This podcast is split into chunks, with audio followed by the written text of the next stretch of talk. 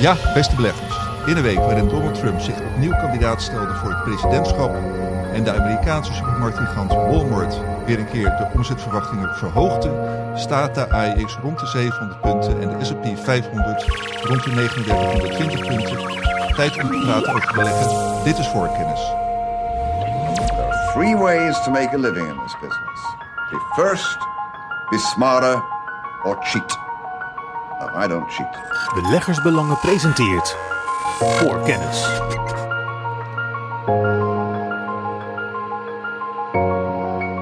Ja, beste beleggers. Leuk dat jullie weer luisteren. Ik ben Johan Brinkman, mag vandaag weer jullie presentator zijn. Uh, gasten van vandaag zijn uh, collega's Stefan Hendricks en Menno van Hoven. We hebben maar liefst uh, vier hoofdonderwerpen. Ik ga ze kort aankondigen. Op de eerste plaats, hoe houdbaar is het dividend van de aandelen in onze beide dividendportefeuilles? daarna het fenomeen speciaal dividenden of superdividenden. Als derde de farmaciesector en met name de verschillen in prestaties tussen Europese en Amerikaanse farmaceuten. En tot slot iets luchtigs, beleggen in wintersportaandelen. Maar we gaan eerst terugblikken en dan kijk ik eerst naar Steffen. Wat wil jij daarover zeggen, Steffen? Ja, er is weer een heleboel gebeurd natuurlijk. En er ging heel veel media-aandacht uit naar die implosie van de FTX, geloof ik, crypto-beurs. maar goed, daar is al ontzettend veel over geschreven. Dus dat is misschien niet iets waar we hier nog uitgebreid over moeten hebben. Laat ik dan in ieder geval maar even terugblikken op de cijfers van twee nutsbedrijven waar wij een positief advies op hebben. Franse Angie en het Duitse RWE. En die hadden allebei hele goede cijfers. Angie stelde ook zijn winstverwachting voor het lopende jaar echt flink opwaarts bij. RWE deed dat niet, maar die gaan de verwachtingen ongetwijfeld overtreffen als ze de jaarcijfers bekend gaan maken. En beide waren ook al wel bezig om um, te laten zien, vooral Angie, dat ze toch ook ontzettend veel doen om Europese bedrijven en consumenten te helpen in deze ontzettend lastige tijd. Dus dan wordt er benadrukt over hoeveel uh, 100 miljoen er gaat naar zogeheten profit sharing arrangements um, in België en Frankrijk. Dat geldt dan voor uh, Angie. Omdat natuurlijk al die nutsbedrijven wat een beetje erbij voelen hangen. Uh, want ja, er komt natuurlijk wel een, hoe je het vindt, oké, het komt er wel een bepaalde vorm van belasting op die bedrijven. En als die winsten ongelooflijk oplopen. En die winsten zijn echt ongelooflijk opgelopen. Ja, dan loopt dat natuurlijk een beetje in de gaten. En die winsten komen dan ook nog eens een keertje. Dat is denk ik ook wel belangrijk om te zeggen. Het een beetje wat black box-achtige divisies van die bedrijven. Het heeft met name betrekking op de handel in energie. Dus in grondstoffen en in stroom. Ja, en hoe volatieler uh, die prijzen zijn, hoe beter die handelsinkomsten ook zijn. En dat uh, gaat echt hard bij allebei die bedrijven. Ja, en uh, jij hebt daarover geschreven. We hebben volgens mij op beide aandelen hadden we een koopadvies. En hebben we nog steeds? Uh, ja, zeker. Want ja, kijk, operationeel gezien, er zijn natuurlijk bedrijven die hebben gewoon last ja. van die hoge stroomprijzen. Dus we hebben eerder ook al geschreven over Enel. Die heeft natuurlijk het probleempje dat als je uh, minder stroom produceert dan je beloofd hebt te verkopen. Bijvoorbeeld omdat je heel veel meer klanten wint, zoals Enel heeft gedaan. Dan zul je die stroom ergens vandaan moeten halen. Dat doe je dan op de open markt, zoals dat heet. Of de wholesale markt, of de merchant markt. Ja, dat moet je dan inkomen, inkopen. Ja.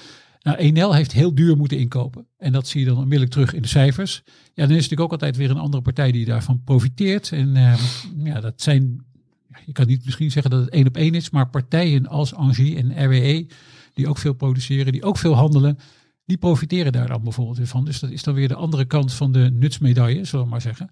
Ja. Maar ja, die bedrijven doen het gewoon ontzettend goed. Dividend is, uh, uh, ziet er goed en veilig uit. Moet uh, in ieder geval bij RWE blijft dat minimaal gelijk. En bij Angie gaat dat serieus omhoog. Ja, ja klinkt goed. Uh, had jij nog andere punten waarop je wilde terugblikken? Ja, er zijn nog een paar dingen. We gaan het veel hebben, denk ik, over dividend in deze podcast. En uh, toch ook eentje om alvast uh, voorzichtig af te trappen, zeg maar. Voor het eerst sinds november 2018 heeft de Duitse ThyssenKrupp weer een dividend aangekondigd van 15 cent. was ook het dividend destijds. Nou, dat is wel opvallend. Want zo goed ging het lang niet met het uh, aandeel. Cijfers waren ook niet echt fantastisch. Maar men wil weer terug naar een dividendpad. Dus dat vond ik op zich wel opvallend. En verder vond ik ook wel opvallend dat AB InBev heeft een um, uh, inkoop van obligaties, in ieder geval een voorstel tot terugkoop van uh, obligaties ingediend. Dus dat betekent dat er een hele lange reeks van langlopende obligaties daar, die kun je op zich inleveren als belegger. En uiteindelijk van die, al die stapels, en dat zijn er een heleboel, gaat um, AB InBev voor ongeveer 3,5 miljard dollar, misschien wordt het nog iets meer, terugkopen om de schulden te verminderen.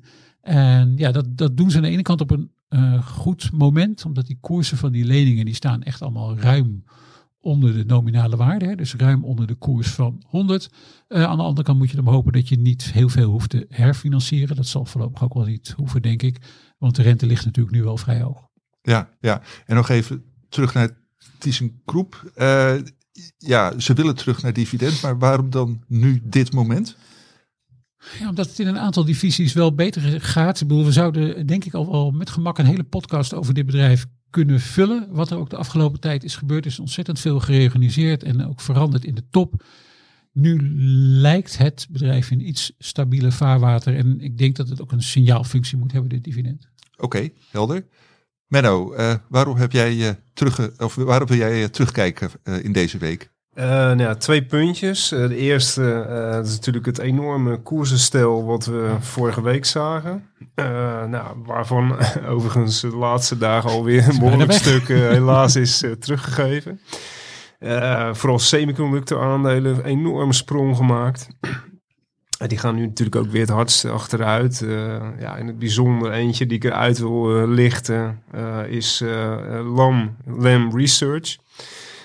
Is een sectorgenoot van KLA Corporation die in de dividendportefeuille zit. met Stefan lang gewikt en gewogen van welke we nou uiteindelijk zouden kiezen.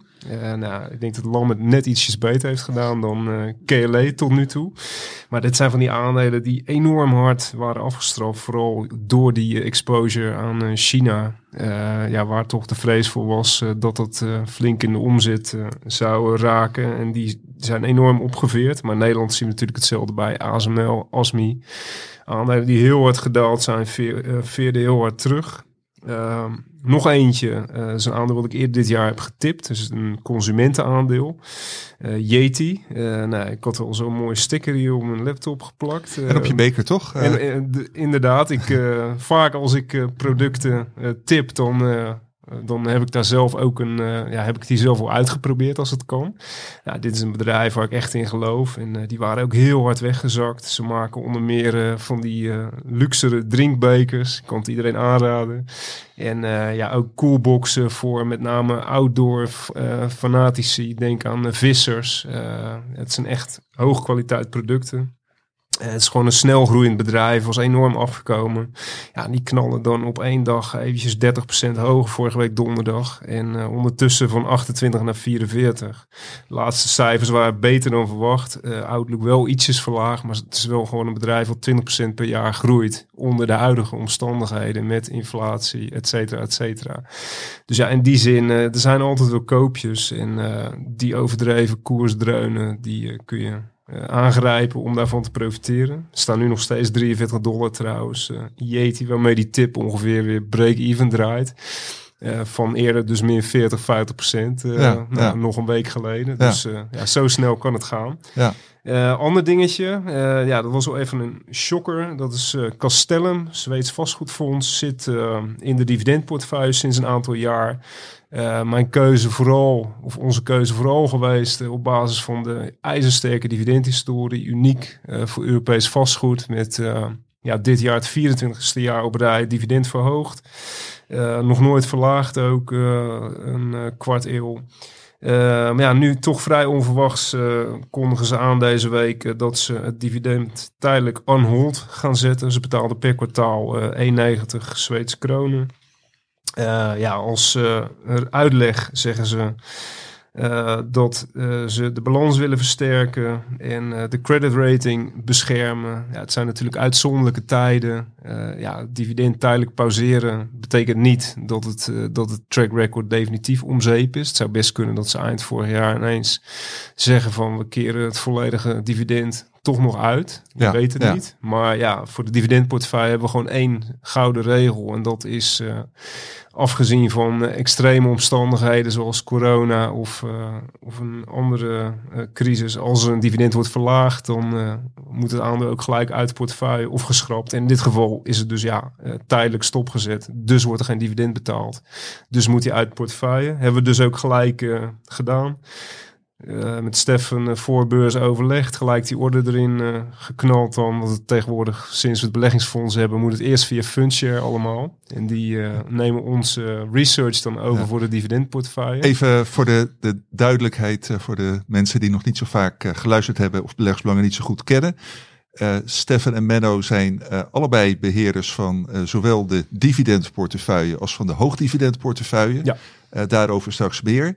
Uh, ruim een jaar geleden uh, is voor, op basis van de dividendportefeuille een, door de beheerder Fundshare een speciaal beleggingsfonds opgezet. Dat beleggers ook met één druk op de knop ja, die portefeuille kunnen kopen. En niet al menno's en mutaties. Nou, zoveel zijn het er niet. Maar je moet toch 30 aandelen, 40 aandelen kopen om die portefeuille van Menno te volgen. Dat het ook met één druk op de knop kan. Dus daar refereert Menno aan als die zegt van ja, doorgegeven aan Funshare dat ja.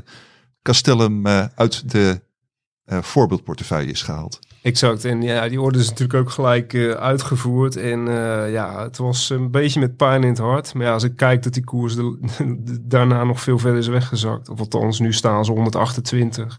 Ja, uh, is het ook wel weer een, een, beetje een geruststellend iets. Zeker omdat, ja, omdat je uiteindelijk toch met een bedrijf zit wat geen dividend meer gaat betalen. Dus waarvan je ook niet kunt profiteren als de koers daalt uh, door dat dividend te herbeleggen. Uh, dat is natuurlijk de basis van de dividendportefeuille. Ja. Uh, dat de koers uiteindelijk het dividend volgen. Ja, als ja. er geen dividend is, valt er ook niks te volgen voor de beurskoers nee, natuurlijk. Nee. Dus dat. Uh, weging van Castellum was gelukkig heel uh, klein met 1%. Was verreweg de kleinste positie. Dus in die zin, ja, qua rendement. Uh, ze zijn uiteindelijk met 36% verlies verkocht. Helaas. maakt het niet heel veel uit. En ja, we gaan weer rustig op zoek naar een vervanger. Ja, ja. En uh, Menno, maak gelijk even het bruggetje naar waar jij deze week over geschreven hebt in het magazine van Beleggersbelangen. Of uh, zijn dat vooral ja. deze dingen waar je het net over gehad hebt? Want uh, Castellum heb je sowieso nee, wel... uiteraard. Castellum was wel... ik schrijf elke week de, de, het verhaal over de dividendportefeuille. Die we wekelijks uitgebreid toelichten. En ja, dit was wel een van de, van de hoofdlijnen. Natuurlijk naast het feit dat de koersen keihard hersteld zijn. En ja, wat je daar verder ook nog ziet is dat die dollar dan wel weer zakt. Dus per saldo het rendement loopt wel in. Dus het verlies loopt terug. Maar het is niet zo dat je enorm één op één die uh, sprong van de aandelen overneemt. Omdat valuta tot dusverre meewerkte, maar nu even tegen zit. Ja, met de hele zware weging van de dividendportefeuille. Ja, precies, 65 Amerikaanse uh, aandelen. Ja, ja. klopt. Uh, Steffen, waar heb jij je deze week over geschreven? Nou, het belangrijkste denk ik was, het, was de bespreking van de derde kwartaalcijfers van de Duitse defensiebedrijven Hensoldt en Rheinmetall. Uh, en gek genoeg zijn dat dan kwartaalcijfers die er eigenlijk helemaal niet zoveel toe doen. En waren ook allemaal niet zo spectaculair. En dat is ook helemaal niet wat de koersen van die aandelen drijft. Maar wat natuurlijk van belang is, is wanneer komen nu eindelijk de orders van de Duitse overheid, van het Duitse ministerie van Defensie binnen. Want dat moet uiteindelijk de grote winstbrenger gaan worden voor die beide bedrijven. Duitsland heeft een speciaal fonds van 100 miljard euro. Dus het is een gigantisch bedrag. Dat gaat uiteraard niet helemaal um, naar deze twee bedrijven. Er zijn natuurlijk heel veel andere bedrijven die ervan profiteren. Maar dit zijn in ieder geval wel twee hele belangrijke partijen. Ja, en als je dan de analistenbijeenkomsten uh, beluistert van allebei, dan is toch wel een, klein beetje frustratie over de traagheid waarmee de Duitse overheid werkt. Dus er gaat nog een, uh, nou, heel veel niet goed daar. Dat betekent dat de orders eigenlijk allemaal wat verder vooruitgeschoven worden. Dus de, de woorden back-ended of backloaded, met andere woorden, ietsje verder in de tijd verschoven. Die vielen veel te uh, beluisteren tijdens die uh, conference calls. Aantal dingen dat wel misschien goed gaat, is wat in het Duits dan de ringtausch wordt genoemd. Waar we het al eerder in de redactievergadering ook over hebben gehad. De ehm, indirecte steun eigenlijk van Duitsland aan Oekraïne door uh, tanks die bijvoorbeeld door andere Oost-Europese landen naar de Oekraïne worden doorgeschoven, daar te vervangen. En die tanks uh, en andere gevechtsvoertuigen, die worden dan uit de voorraad van Rijnmetaal gekocht. En dat is uiteraard heel erg gunstig voor Rijnmetaal. Dus die twee doen het eigenlijk heel goed operationeel. Uh, de derde die we volgen, en ook een die in portefeuille zit, in ons hoogdividendportefeuille, is natuurlijk uh, BAE Systems, een Britse producent. Die had een trading update. Dat zag er ook weer heel erg goed uit. Interim dividend verhoogd. Ja, het blijft natuurlijk een controversiële belegging uh, voor sommige uh, beleggingen in defensiebedrijven. Maar in deze tijd is het wel een, um, in ieder geval wat mij betreft, een hele goede belegging. Ja, oké, helder. We zetten hem uh, in de show notes, het artikel. En we gaan naar de hoofdonderwerpen. Voor kennis. Ja, ik zei het al, Stefan en Menno. Jullie zijn beide beheerders van de twee dividend portefeuilles die we hebben. En uh, ja, zeker ook naar aanleiding van uh, wat uh, Menno net vertelde over Castellum, is de vraag natuurlijk heel actueel in deze bijzondere tijden van ja, hoe houdbaar is dat nu dat dividend? Wie van jullie mag ik daar als eerste wat over laten zeggen?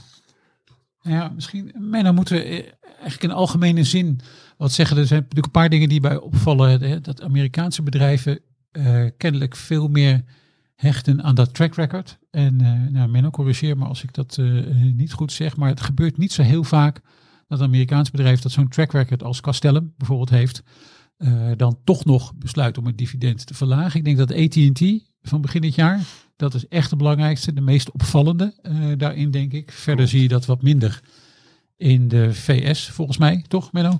Nee, absoluut. Volgens mij het aantal dividendverlaging in heel VS dit jaar is gewoon op 200 te tellen. En dan heb je het echt over duizenden aandelen die dividend uh, betalen. En dat zijn allemaal vrij onbetekenende, ja, zeker geen aandelen met een uh, sterke historie. Want dan is het echt gewoon, alleen als het echt niet anders kan, wordt het verlaagd. Maar... Anders doen ze, dat, doen ze dat niet. En dat heeft natuurlijk verschillende redenen, maar daar komen we op Ja, daar komen, daar komen we zeker op. Een van de dingen die natuurlijk al opviel, hebben we het volgens mij wel eens eerder over gehad, maar in de, de, de coronapandemie is natuurlijk denk ik wel een goed voorbeeld van wat er is gebeurd. Dus um, uh, fondsbeheerder Janus Henderson, die houdt het altijd zo mooi bij. Die hebben een Global Dividend Index. Volgens mij in het jaar 2020 was uh, Europa goed voor ongeveer de helft van het volume van dividendverlagingen. Terwijl ze Europa denk ik procent of 30 van die hele index uitmaakte. Dat geeft wel aan iedere keer in Europa heel erg fout gaat. En in Amerika veel minder. Uh, dividenden werden wel ietsje verlaagd. De uh, indexaanbieder Standard Poor's had dat, had dat heel erg mooi bij.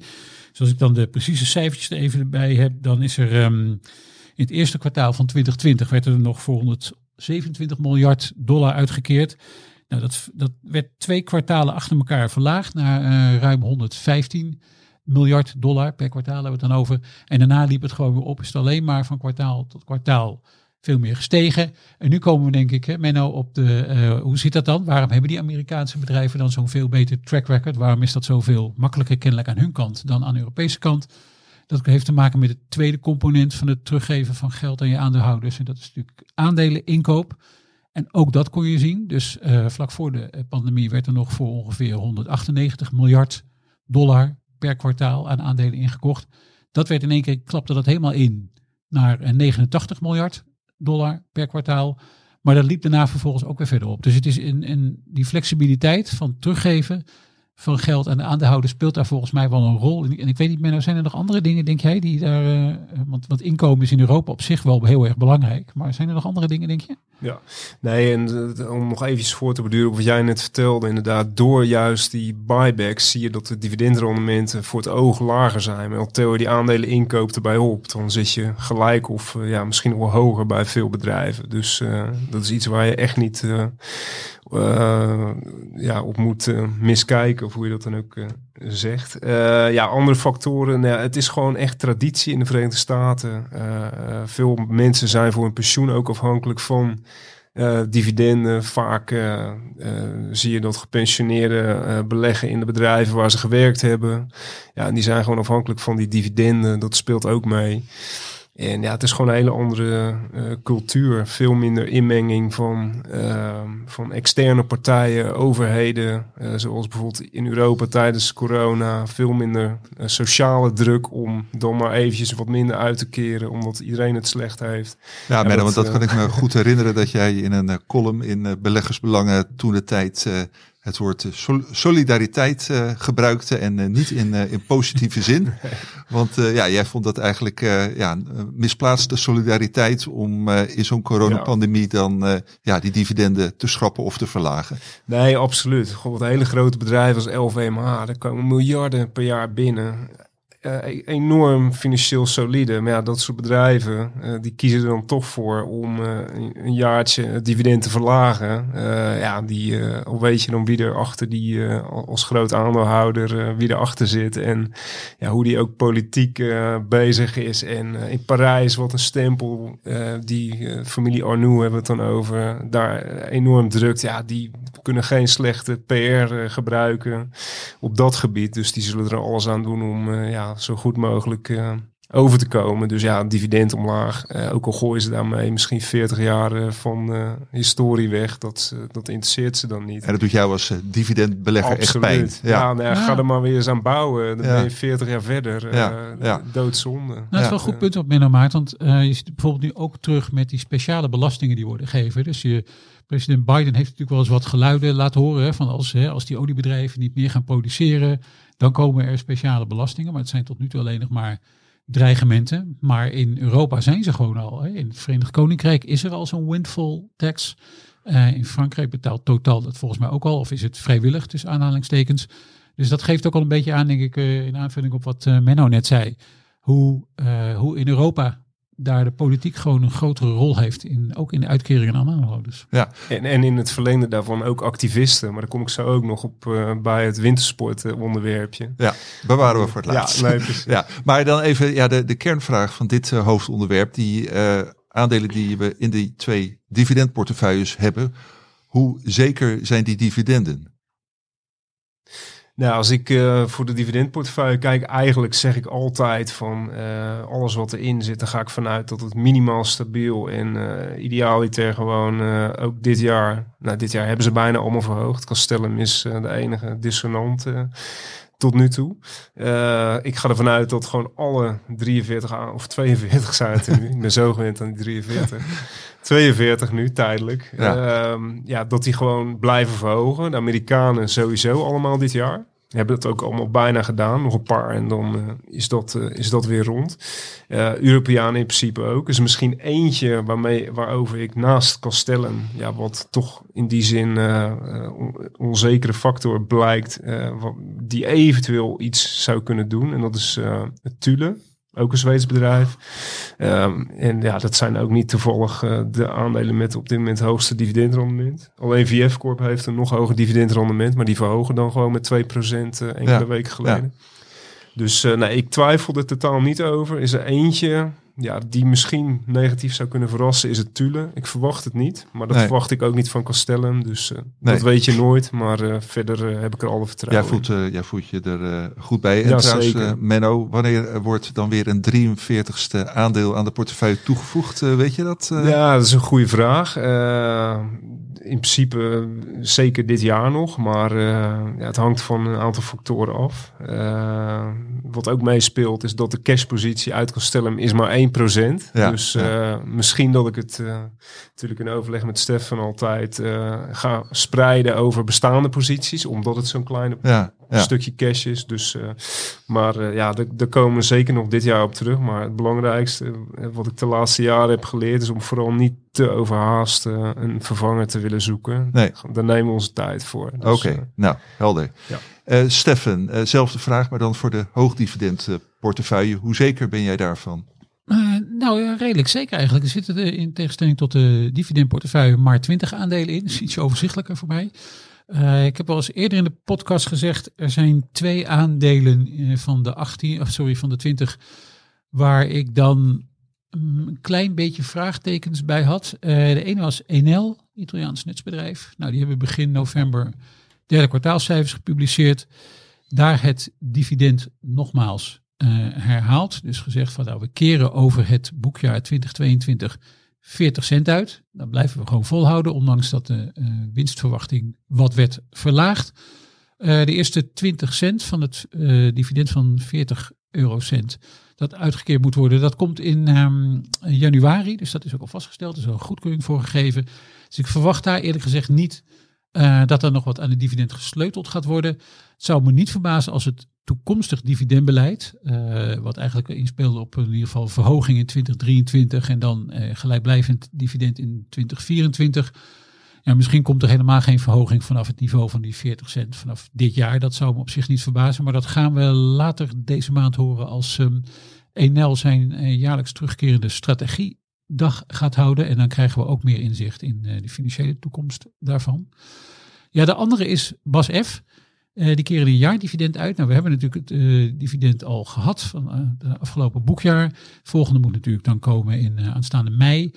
Ja, BASF is wel een lastige, een lastige zaak. Kijk, als er nou meer duidelijkheid zou komen over hun olie- en gasdochter Wintershaal, die nu nog helemaal verstrikt zit eigenlijk in die Russische sancties, omdat we, nou wat we vaak in de podcast hebben gezegd, omdat daar ook een, een, een, een maatschappij zit als mede-aandeelhouder, waar een aantal oligarchen, of in ieder geval één oligarch in zat. Nou, dit is, die structuur is allemaal een beetje veranderd, maar nog steeds kan het Wintershaal eigenlijk niet echt uh, naar de beurs gebracht worden, wat ooit het plan was.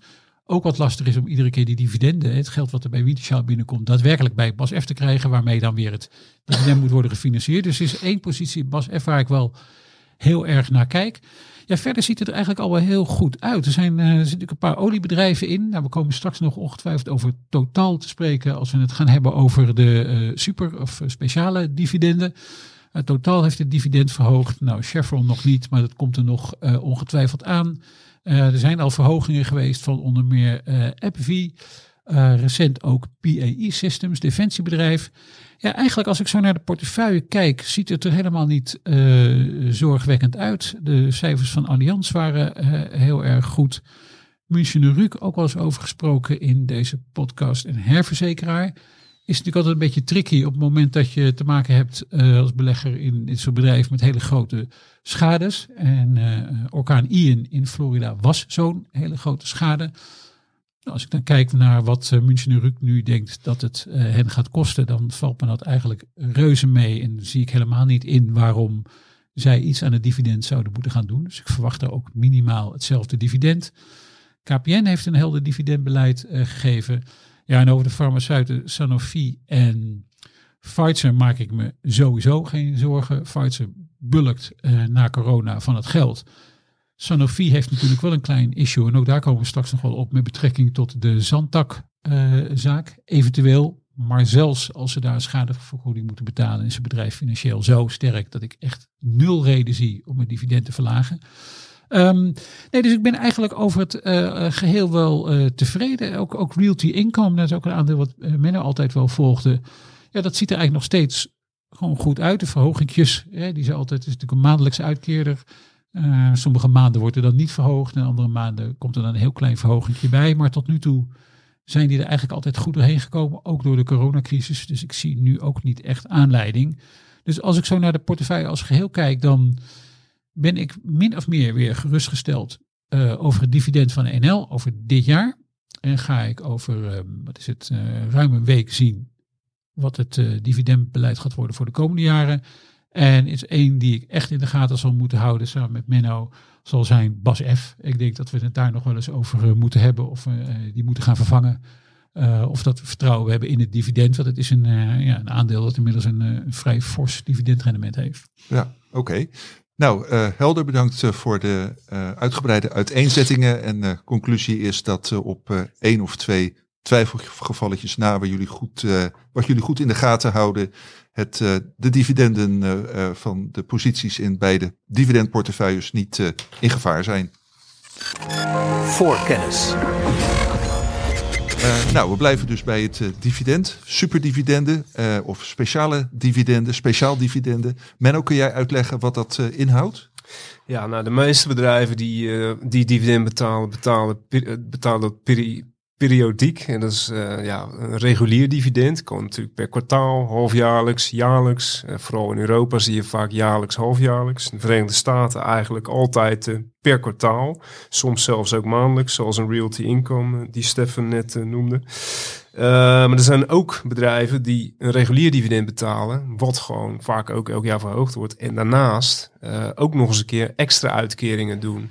Dus dan moet je het eigenlijk zo zien. Uh, er komt een hele bak cash binnen per jaar en nou, er worden investeringen van gedaan. Alles wordt netjes betaald en wat er overblijft, kun je een paar dingen mee doen. Je kunt overnames doen, je kunt een gewoon dividend betalen.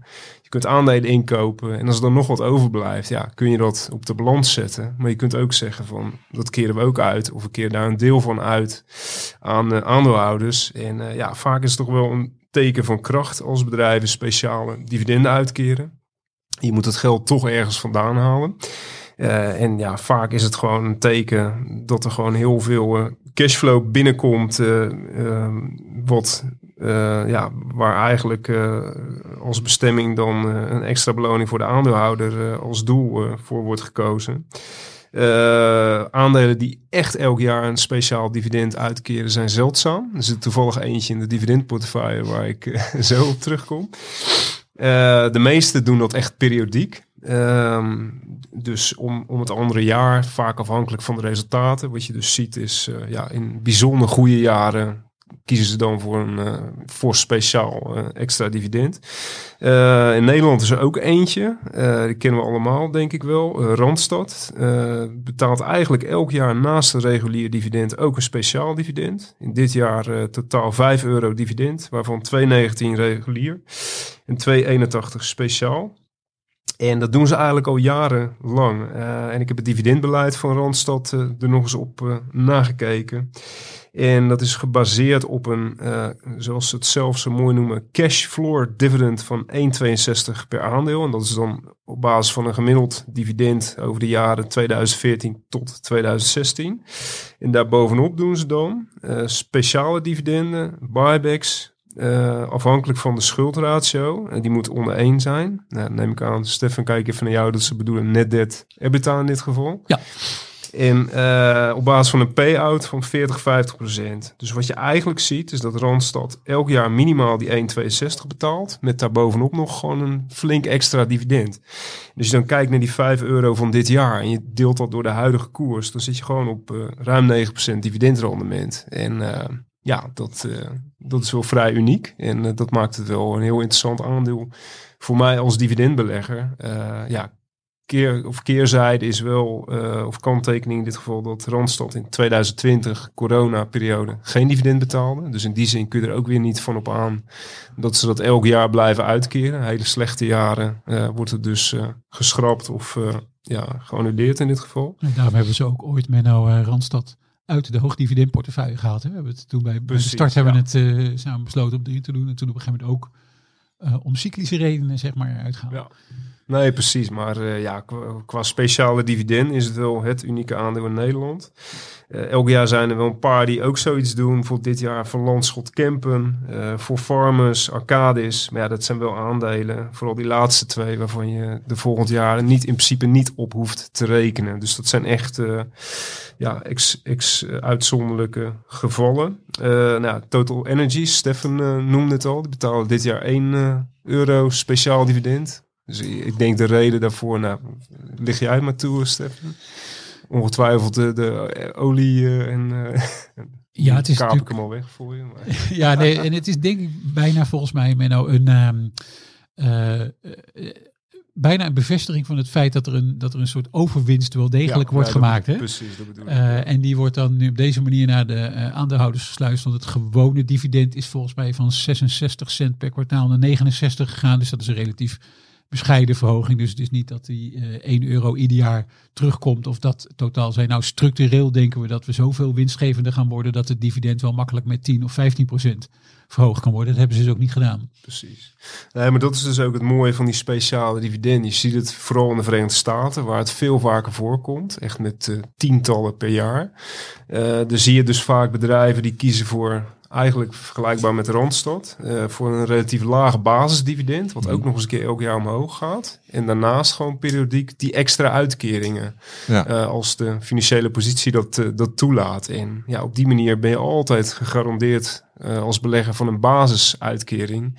En in goede jaren krijg je er een hele flinke smak bij. dus Ja. dat eigenlijk Maar- heel interessant. Maar daar wou ik wel wat eh, over vragen. Want eh, nou ja, het is natuurlijk eh, duidelijk eh, eh, dat eh, ook ik als hoofdredacteur het belang zie van eh, betrouwbare dividenduitkeringen voor onze portefeuilles.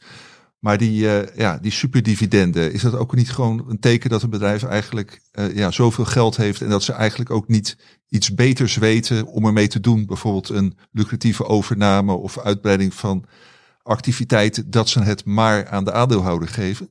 Nee, dat is een goede en terechte vraag. En je, je noemt het woord superdividend. Ja, dat is volgens mij meer als er een onderdeel verkocht is of als eenmalig een hele grote bak cash binnenkomt. Dat, waar, ja, waar ze dan verder geen besteding voor hebben. Dus dan wordt dat eenmalig als uh, dividend uitgekeerd. Maar ik heb het echt dan over de speciale dividenden die gewoon ook wel in de regel terugkomen. Dus Zoals bij gewoon- Randstad. Precies, Ja. gewoon uit de bestaande activiteiten die ook gewoon binnenboord. eh Ja, maar binnenboord, heeft Randstad dan, eh, eh, kunnen ze niks verzinnen qua overname of uitbreiden in eh, Ja, ik, bepaalde denk, ik continenten? denk het toch niet. Als je op een gegeven moment als bedrijf je investeringen hebt gedaan en eh, ja, verder de, de, de gewone business is gewoon gefund en eh, je, met de oog op de toekomst ook. En eh, ja, je hebt verder geen doelen en je hebt ook geen enorme schuldpositie. Ik, bedoel, ik moet wel zeggen, zo goed zit ik niet in het aandeel Randstad dat ik dat allemaal in kaart heb. Maar afgaande op die schuldenratio van onder 1 zit dat wel goed. Eh, ja, dan eh, heb je dat geld in principe over om, eh, om uit te keren. Maar het verschilt natuurlijk per bedrijf. Zo'n Eh. totaal Menno is natuurlijk, en Johan trouwens ook, eh, naar aanleiding van de vraag van Johan, is natuurlijk wel een interessante. Waar, hè, waarom keer je dit, dit uit? Ehm, kijk, investeringen in olie en gas zijn niet heel erg populair. Dus op het moment dat een totaal nu zou zeggen, nou we zijn nog eens van plan met deze prijs eens extra te gaan investeren. Dus op een of andere manier dat politiek valt dat misschien niet zo goed, omdat kennelijk juist de bedoeling is dat, ehm, dat investeringen in fossiele brandstoffen niet zo heel erg toenemen. Eh, in ieder geval po- politieke redenen. Wat je wel zou kunnen zeggen is, als je het dan niet investeert in fossiele brandstoffen, waarom eigenlijk dan niet in meer in duurzame energie? Want dat is ook een tak die natuurlijk door een aantal van die Europese olieconcerns wordt uitgebreid. Ja, dat gebeurt ook niet. Dus daar is kennelijk ehm, ook een grens aan. Dus Wat volgens mij, hè? totaal doet het al heel veel natuurlijk. Ja, ze doen het al. Ja, nou ja, jij zegt juist heel als ze gaan doorschieten, dat ze dan het risico lopen. Dat ze, want dat, volgens mij werd het ook al gezegd dat die projecten toch veel min, minder renderen. Ja, dat is het, dat is het natuurlijk. Dat hè. willen ze natuurlijk ook weer niet, dat die balans te veel doorweegt. eh. Ja, ik, dat zal dus wel zijn. Dus het is waarschijnlijk ook in dit geval dan een beetje tricky voor het management. Van wat, wat doen je? Je ziet aan de ene kant dat er ongelooflijk veel cash binnenkomt. Dat laat je niet allemaal op de balans staan. Als je het niet uit gaat geven aan eh, de hoofdactiviteit, nou olie en gas verder. En je wilt het om jouw moverende redenen ook niet nog meer uitgeven aan duurzame energie. Want die duurzame energie-investeringen zijn ook niet zo gigantisch van eh, totaal in vergelijking tot hun investeringen in de fossiele brandstoffen.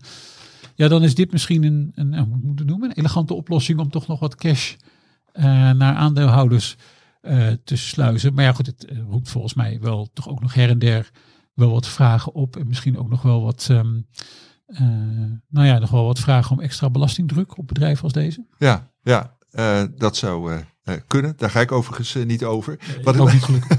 wat, ik, wat ik me wel afvroeg van is het feit dat een bedrijf een speciaal dividend uitkeert. Is dat op zichzelf een, een, een gunstig teken dat een, een, een bedrijf eh, nou ja, toekomst heeft, eh, koopwaardig is voor een termijn van, eh, van één of meer jaar? Nou, ik denk het sowieso wel. Maar eh, ja, om nog even terug te komen op eh, die olie-gassector. Want dat was eigenlijk mijn volgende puntje. Wat je in de Verenigde Staten dit jaar ziet, is extreem eh, eigenlijk in lijn met ook wat je wat totaal doet. Alleen dan nog veel fout daarvan. Is dat al die olie- en gasproducenten, die toch al gewoon een mooi basisdividend betaalden, dit jaar massaal speciale dividenden aan het uitkeren zijn.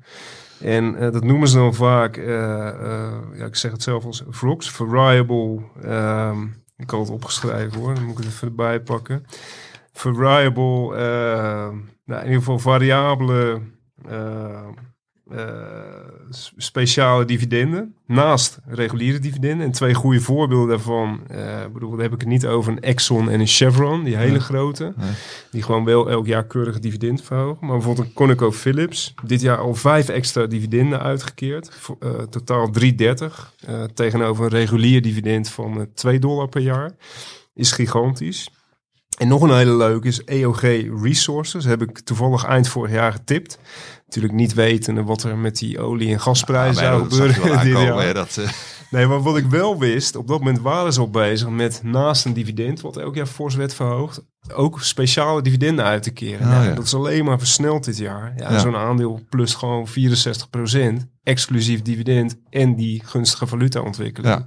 Dus dat zijn enorme knallers. Eh, En die heb je minder dan een jaar geleden getipt. Ja, eh. vorig jaar december. Oké, En, eh, dus daar gaan we binnenkort in beleggersbelangen wel op terugblikken en kijken of het nog steeds koopwaardig vinden. Absoluut. Ja. Dus, dus wat je dus verder ziet in de VS naast olie gas, wat dit jaar echt explodeert, is dat ook heel veel verzekeraars eh, periodiek eh, en dan ja, vrij onbekende namen, periodiek ook eh, speciale dividenden. Dus in die hoek moet je het zoeken. Verzekeraars en olie gas, daar kun je echt veel speciaal dividend verwachten in de Verenigde Staten. En Vaak in combinatie met een eh, regulier groeiend dividend. En nog het allerlaatste puntje, ik kondigde het eerder al aan. Natuurlijk Achco, de tractorfabrikant die in de dividendportefeuille zit. Ik heb die twee jaar geleden met één reden toegevoegd. eh, is dat ze eh, nieuw dividendbeleid gingen voeren.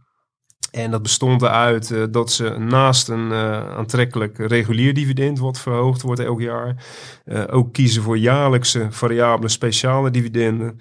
En ja, als je dan naar Achco kijkt, dividendrendement is 0,8% Ja, is niet veel, zul je zeggen. Maar als je dan bedenkt dat ze dit jaar 4,50 extra betalen, vorig jaar 4 dollar. Nou ja, als je die speciale dividenden bij optelt van dit jaar bij het reguliere dividend, zit je ineens op een dividendrendement van bijna 5 En ja, als je dan bedenkt dat ze waarschijnlijk de komende jaren ook die speciale dividenden rond dat niveau gaan betalen. En het reguliere dividend, dit jaar plus 25%, ook weer met dubbele cijfers gaan verhogen.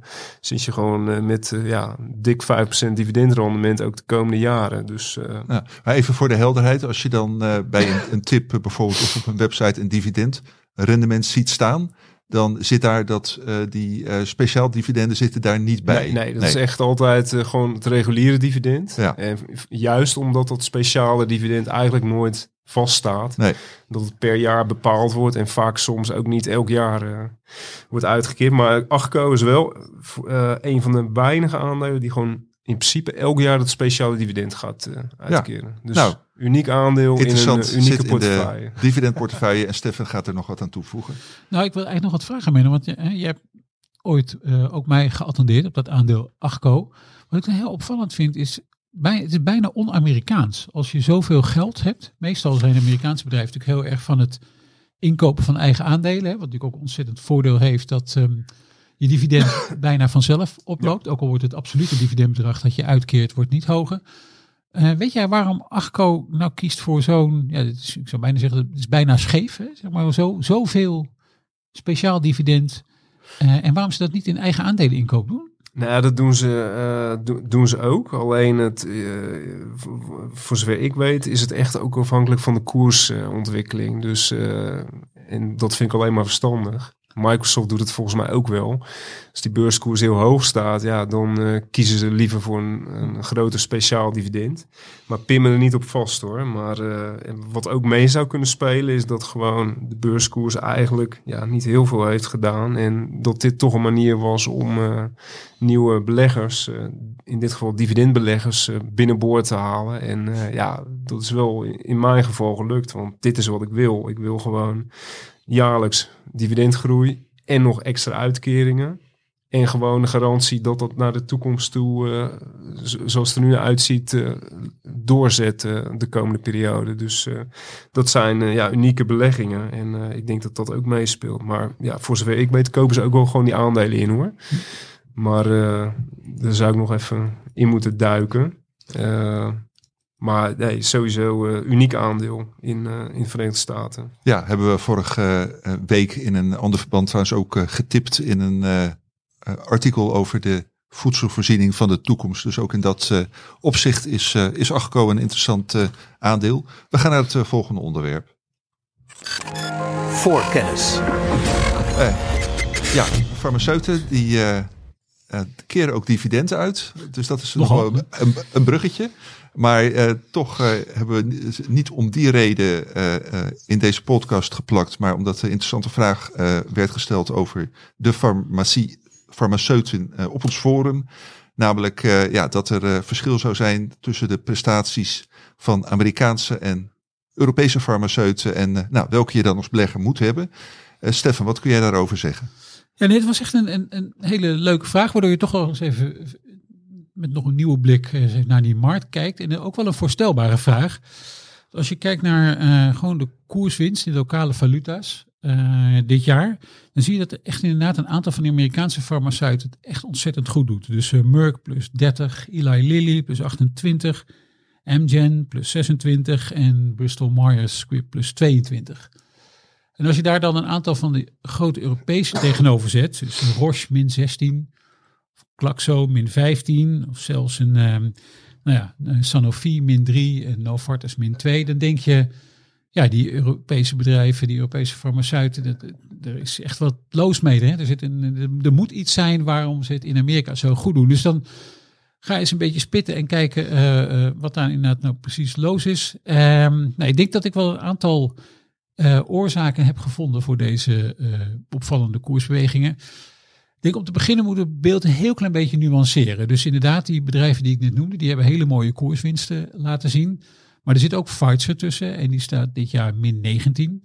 En in Europa hebben we ook AstraZeneca plus 27 en Novo Nordisk bijvoorbeeld plus 17. Dus het is niet helemaal zo dat, het, dat er in Amerika alleen maar successen zijn en in Europa eigenlijk alleen maar mislukkingen. En als je dan nog ietsje dieper graaft, dan kom je natuurlijk ook wel op een aantal bedrijfsspecifieke oorzaken waarom die aandelen het wel of niet heel erg goed doen. En in het geval bijvoorbeeld van Pfizer heb je dan te maken met natuurlijk de, de, de vrees voor wat wegvallende corona-omzet, zal ik het maar noemen. Dus de coronavaccins en de coronapillen van Pfizer, die misschien volgend jaar wat minder uh, in het laadje zullen brengen dan dit jaar. En bij een aantal bedrijven natuurlijk ook nog een aantal andere heel negatieve bedrijfsspecifieke oorzaken. Sanofi bijvoorbeeld, en ik heb ze zelf in portefeuille, dus ik heb het ook uh, uh, persoonlijk aardig gevoeld. Die hadden tot augustus zeg maar, een prima jaar. Um, stonden ze volgens mij 16, 17 procent in de plus. Niks aan de hand. Tot, nou, ik zeg opeens, zo was het niet, maar tot in ieder geval de zandtakzaak een aantal van die farmaceuten in hun greep kreeg. En zandtak is een middel dat al heel erg lang bestaat. Een uh, maagzuurremmer die ehm, kankerverwekkende bijwerkingen zou kunnen hebben. Die zouden in Amerika dan weer aanleiding kunnen zijn tot uh, de eis van hele forse schadevergoedingen. En dat hakt er onmiddellijk in. Dus die koersen van uh, Glaxo gingen onderuit en van Sanofi ging hard onderuit. Dan heb je het echt over bedrijfsspecifieke zaken. Uh, andere bedrijfsspecifieke zaken is bijvoorbeeld dat er een, een, een aantal um, Europese bedrijven zijn die niet van die fantastische testresultaten had. gaat het wel, Johan? Het uh, gaat, ja. Het was even een kuchje wat uh, nodig was. Nee, heel goed. Uh, bijvoorbeeld Roche, die eerder dit jaar een tegenvallen had met een van zijn belangrijke oncologie-medicijnen. En eerder deze maand teleurstellende testresultaten bekend maakte van een middel, een potentieel middel tegen Alzheimer's. Dus dat zijn dan ook weer hele bedrijfsspecifieke dingen. En die vind je ook nog wel eens terug aan de andere kant. Dus als je kijkt naar Merck, die heeft bijvoorbeeld wel positieve testresultaten van een heel belangrijk nieuw medicijn tegen hoge bloeddruk in de bloedvaten in de longen bijvoorbeeld. Wat wel eens een heel succesvol medicijn zou kunnen zijn. Uh, Merck uh, verhoogde ook zijn winstverwachtingen voor het hele jaar. Dus je ziet eigenlijk, je kan het niet helemaal op één hoop gooien. Zeggen nou, het was in, in Amerika allemaal top en het was in Europa allemaal niks. Want Novo Nordisk, nogmaals, en AstraZeneca, die doen het wel heel erg goed. Zowel qua pijplijnontwikkeling als qua koers als qua winstontwikkeling. Uh, en het derde, denk ik, wat nog meespeelt, is de waardering aan het begin van dit jaar. En een uh, aantal van de Amerikaanse farmaceuten, nou Menno kan erover meespreken. Bristol Myers, Menno, die begon dit jaar, denk ik, op nog geen tien keer de winst, volgens mij, als ik het zo... Um... Klopt, ja. En daar zijn er een, een paar van. Ook uh, Merck was niet zo heel erg hoog gewaardeerd begin dit jaar. Um, nou, dit is iets wat ik niet helemaal zeker weet, maar... Um, ergens een, een gut feeling. In Amerika heb je natuurlijk gewoon een, een flinke verkoopgolf gehad in die technologieaandelen. Dan zijn beleggers misschien op zoek naar ook wat meer defensieve waarden. Nou, die vind je in de Verenigde Staten onder meer in die farma-sector, waar je dan ziet dat de winsten uh, goed overeind blijven. Uh, dat zag je bij Bristol Myers, bij Merck, bij Amgen.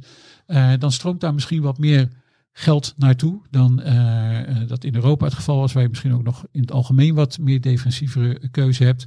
En ook gewoon een aantal van de Europese farmaceuten waren simpelweg hoger gewaardeerd dan een aantal van de Amerikaanse bedrijven, die het dan ook nog eens een keertje operationeel dit jaar eh, wel wat beter hebben gedaan.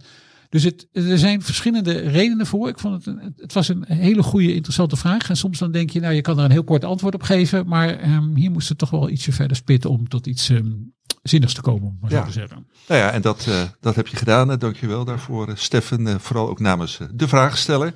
En nou, mocht u, luisteraar, uh, ik zeg dat meestal aan het einde van de uitzending, maar ik zeg het nu, uh, ook zulke interessante vragen hebben, uh, stel ze gewoon. En dat kan op naar voorkennis.beleggersbelangen.nl. Maar ik herhaal dat straks nog wel even aan het einde van de uitzending. Um, terwijl Menno en ik proberen niet al te veel te kuchen, vraag ik aan Menno of hij ook nog farmacie-aandelen in de dividendportefeuille heeft, waar uh, die wel of niet uh, goed presteren. Ja, nee, sowieso Bristol Myers is dit jaar volgens mij een van de beste uh, ja, aandelen qua uh, rendement. Ja. En uh, er zitten ook een paar gecombineerde bij, zoals een Johnson Johnson, die ook deels in de, in de pillen, om het zo te Ja, zeggen, zit. Dus, maar ik, ik denk dat ik toch wel overweeg, oh, qua weging meer richting de medische apparatuur zit. Binnen de sector healthcare dan. Ja. Dus, Ja, er zit ook hele mooie uh, Danaher, Thermo Fisher nog over. uh, die zitten nog niet in het dividendportefeuille, maar Ja. inderdaad zijn wel mooie aandelen. Schitterende bedrijven. Ja. Oké, okay, uh, uh, dankjewel nogmaals uh, Steffen. En uh, het mag duidelijk zijn dat wij uh, farmacie aan beide kanten van de oceaan uh, zeer interessant vinden om, uh, om te volgen en ook zullen blijven doen. Ik ga naar het volgende onderwerp. Voorkennis. En, uh, ja, we dachten aan, uh, aan iets luchtigs. En uh, hoewel het natuurlijk wel gewoon beleggen is in, uh, in aandelen. Nou ja, het is uh, een beetje een beeldspraak met skiën die omhoog en omlaag kunnen. En dat doen ze ook. Ja, Menno, wat was precies de aanleiding voor jou om, om het nu over wintersportaandelen te willen hebben? En kun je een paar voorbeelden daarvan noemen? Ja, zeker. Nou, uh, de aanleiding sowieso is, tweeledig. Het wintersportseizoen uh, staat natuurlijk weer voor de deur. Ik denk dat uh, ja, vanaf volgende maand toch weer heel veel Nederlanders richting Frankrijk, Oostenrijk, dat, dat soort gebieden op die kant op gaan. Maar eigenlijk de aanleiding om dit nu te doen is een artikel wat ik op 25 oktober, toevallig mijn verjaardag, tegenkwam. En het gaat over, uh, nou, ik, ik, pak gewoon de eerste regel erbij. Het Franse stadje La Clusaz ten westen van de Mont Blanc leeft van de wintersport. Nou, wat is dus aan de hand? Uh, klimaatverandering, groot thema binnen die sector. Uh, pistes hebben steeds minder natuurlijke sneeuw, dus zoeken ze naar oplossingen door met sneeuwkanonnen die piste, pistes toch zoveel mogelijk klaar te maken. Maar daarvoor heb je dus heel veel water nodig. En uh, wat ze in dit specifieke gebied uh, willen doen, dus om toch die pistes uh, goed te houden, is een enorm meer, kunstmatig meer aanleggen. Wat weer ten koste gaat van natuur. Nou, en dan weet je al wat er gaat gebeuren. een heleboel klimaatactivisten, die zijn daar. Uh, tegen uh, in opstand gekomen, hebben een kort geding aangespannen en ook gewonnen. Uh, dus geen sneeuwkanonnen, of althans geen stuw meer daar ten koste van bos en zeldzame natuur. En ja, dat is wel een serieus probleem voor de hele ski-wintersportsector. klimaatverandering, opwarming, steeds lastiger om goede pistes te prepareren. En uh, los daarvan uh, stijgen ook de energiekosten. Die skiliften die draaien heel de dag door, kost enorm veel energie. Uh, ik begrijp dat sommige skigebieden ook al de liften eerder dicht gaan doen, de, de lampen later aan of eerder uit, hoe je het wilt bekijken. Dus aan alle kanten ja, schuurt dat. En, uh, en jij hebt een keer wat van die ski-aandelen getipt. Ja, uh, nee, Menno. precies. Toevallig, nou, of niet toevallig, vorig jaar ongeveer een artikel. Daar een aantal aandelen benoemd. En uh, ja, eentje daarvan is Compagnie des Alpes. is misschien wel de bekendste. Het is een gecombineerd bedrijf van pretparken en skigebieden. En ja, wat je eigenlijk nog steeds ziet, is dat vooral die pretparken, dat is wel booming business. Dit jaar, het boekjaar loopt tot, tot eind juli uit mijn hoofd. Uh, voor het eerst dus dat die pretparken meer omzet hebben gegenereerd dan de skigebieden. Eh, die eh, wel weer gewoon volle bak konden draaien of kunnen draaien inmiddels eh, na corona. En wat je dus ook ziet, mensen in pretparken geven meer uit. Ticketprijzen worden sneller verhoogd. En ja, dat is een veel betere business. In dit geval Compagnie de Zoop, die zet, dan, zet dan ook volop in op die pretparken. Skigebieden, wel nog de helft van de omzet. Maar ja, dat is gewoon een, een, een slechtere business op dit moment. En eh, ja, die ski-omzet komt ook bijna volledig uit skipassen. Wat ze wel hebben gedaan dit jaar, Compagnie de Zoop, is dat ze eh, de grootste uitbaten van hotels in de Alpen hebben overgenomen. Dus je ziet al die diversificatie. Dan kunnen ze ook weer meer profiteren van het zomerseizoen. Dat werkt natuurlijk wel. Eh, het bergtoerisme, eh, mountainbikers die ook dan met die skiliften omhoog gaan en eh, de berg af. Dus op die manier proberen ze dat een beetje op te vangen. Maar uiteindelijk ja, is het gewoon een hele lastige markt. Ja, ik kan me herinneren een, een jaar geleden dat jij volgens mij ook met dit art- artikel kwam met het idee van, nou ja, de coronapandemie die loopt misschien Ja. op zijn eind en we kunnen weer eh, skiën, althans als je dat eh, Precies. wil. Nou ja, dat, was, dat was dus het voorbehoud van als het weer een normaal seizoen wordt. En Ja. de verwachting is dat ze dit jaar weer voor het eerst een normaal volledig seizoen kunnen draaien. Ja. Ja. dan wordt het wel interessant weer. Maar ja, vooral op de langere termijn, de echt lange termijn, Ja. is het wel gewoon een sector met hele grote uitdagingen. Ja. Eh, los van het feit dat alles duurder wordt. En eh, ja, inflatie op dit moment, eh, mensen eh die dan, wat minder, heeft het eh, aandeel eh, gedaan eh, sinds... nou, ik heb eh, dit jaar min 7,3, dus redelijk goed. Maar ze Ja. waren ook flink afgekomen. En eh, ja, vooral denk ik ook omdat die pretparken juist zo booming eh, business zijn. Ja. De prijzen blijven elk jaar omhoog gaan. En mensen die blijven toch gewoon komen naar Ja. die pretparken. Dus die diversificatie is voor dat Compagnie des Alpes is het goud waard. ja. Nou, is er nog eentje, veel resorts. Vind ik een veel mooier aandeel. Dat is, laat maar zeggen, de eh, Amerikaanse compagnie de Zoop. Zitten in skigebieden en mountain resorts in de Verenigde Staten en Australië. Eh, nou, die zijn dit jaar wel 27% omlaag. En eh, ja, wat die heel goed doen, die hebben een abonnementenmodel waarbij eigenlijk net als de jaarkaarten voor een pretpark, verkopen zij dat voor skigebieden. Dus dan moet je het wel veel hebben van de mensen die echt in de omgeving wonen. Maar dat is dus echt booming business. En is inmiddels eh, ja, 72% van de omzet. Eh, dus mensen die gewoon een kaart kopen het hele jaar wanneer ze willen dat eh, skigebied kunnen benaderen. In Nederland of in Europa heb je dat volgens mij niet. Of in ieder geval niet in die grote omvang. Is het vooral toch echt toerisme in specifieke maanden Ja. van het jaar. Maar ja, dat is dus een mooie aandeel. Vooral ook vind ik vanwege het dividend. Wat gewoon elk jaar flink omhoog gaat. Daar zijn we weer. Ja. Ja, precies. Alleen er zit ook wel een pittige waardering aan. Ja, dit aandeel zie je nu gewoon eh, het hele inflatieverhaal. eh, ja, wat, wat die koers onder druk zet. Eh, en dat zie je helemaal bij het derde aandeel, wat ik heb meegenomen, om het zo te zeggen. Dat is Clarus Corp. Dat is echt een producent van skis en alle materialen benodigd voor, Ja. voor op de piste. Merken zijn Black Diamond. Nou, dat zijn skis, skischoenen, skikleding. En ook Pieps, eh, als Ja. ik het goed uitspreek. En dat zijn eh, apparaatjes waarmee je, eh, laat maar zeggen, in een lawine kunt, kunt teruggevonden worden. Ja. En dat is ook weer dan iets, bedacht ik zelf eigenlijk, van ja, je zit met natuurlijk minder eh, natuurlijke sneeuw, is ook minder, of piste, is minder, misschien minder lawinegevaar. gevaar. Dus ja, dat zijn ook weer van die dingen die doorspelen op zo'n eh, bedrijf. Eh, uiteindelijk heeft alles effect op, op die hele business. Eh, dit is een aandeel wat dit jaar 72% daalt. eh, terwijl onderliggend gaat het helemaal niet zo slecht. Ja, dat is weer puur in lijn met al die andere aandelen. eh, VF Corp, eh, Adidas ook. Ondanks het recente herstel. Ja, die zijn allemaal gehalveerd dit jaar. Puur eh, op basis van inflatie, consumenten spenderen minder, Ja. et cetera. Die vrees. Eh, of het terecht is helemaal, weet ik niet. Maar de genoemde aandelen, vind je die eh, nog steeds koopwaardig, Menno? Nou, die laatste, dat Klaas Corp, zeker na die enorme koersdreunen, denk ik dat het wel een interessant aandeel is. Betalen ook een dividendje. Eh, ja, het is, het is wel een aandeel wat een relatief grote schuld heeft. Zeker nu die koers zo hard is eh, gedaald.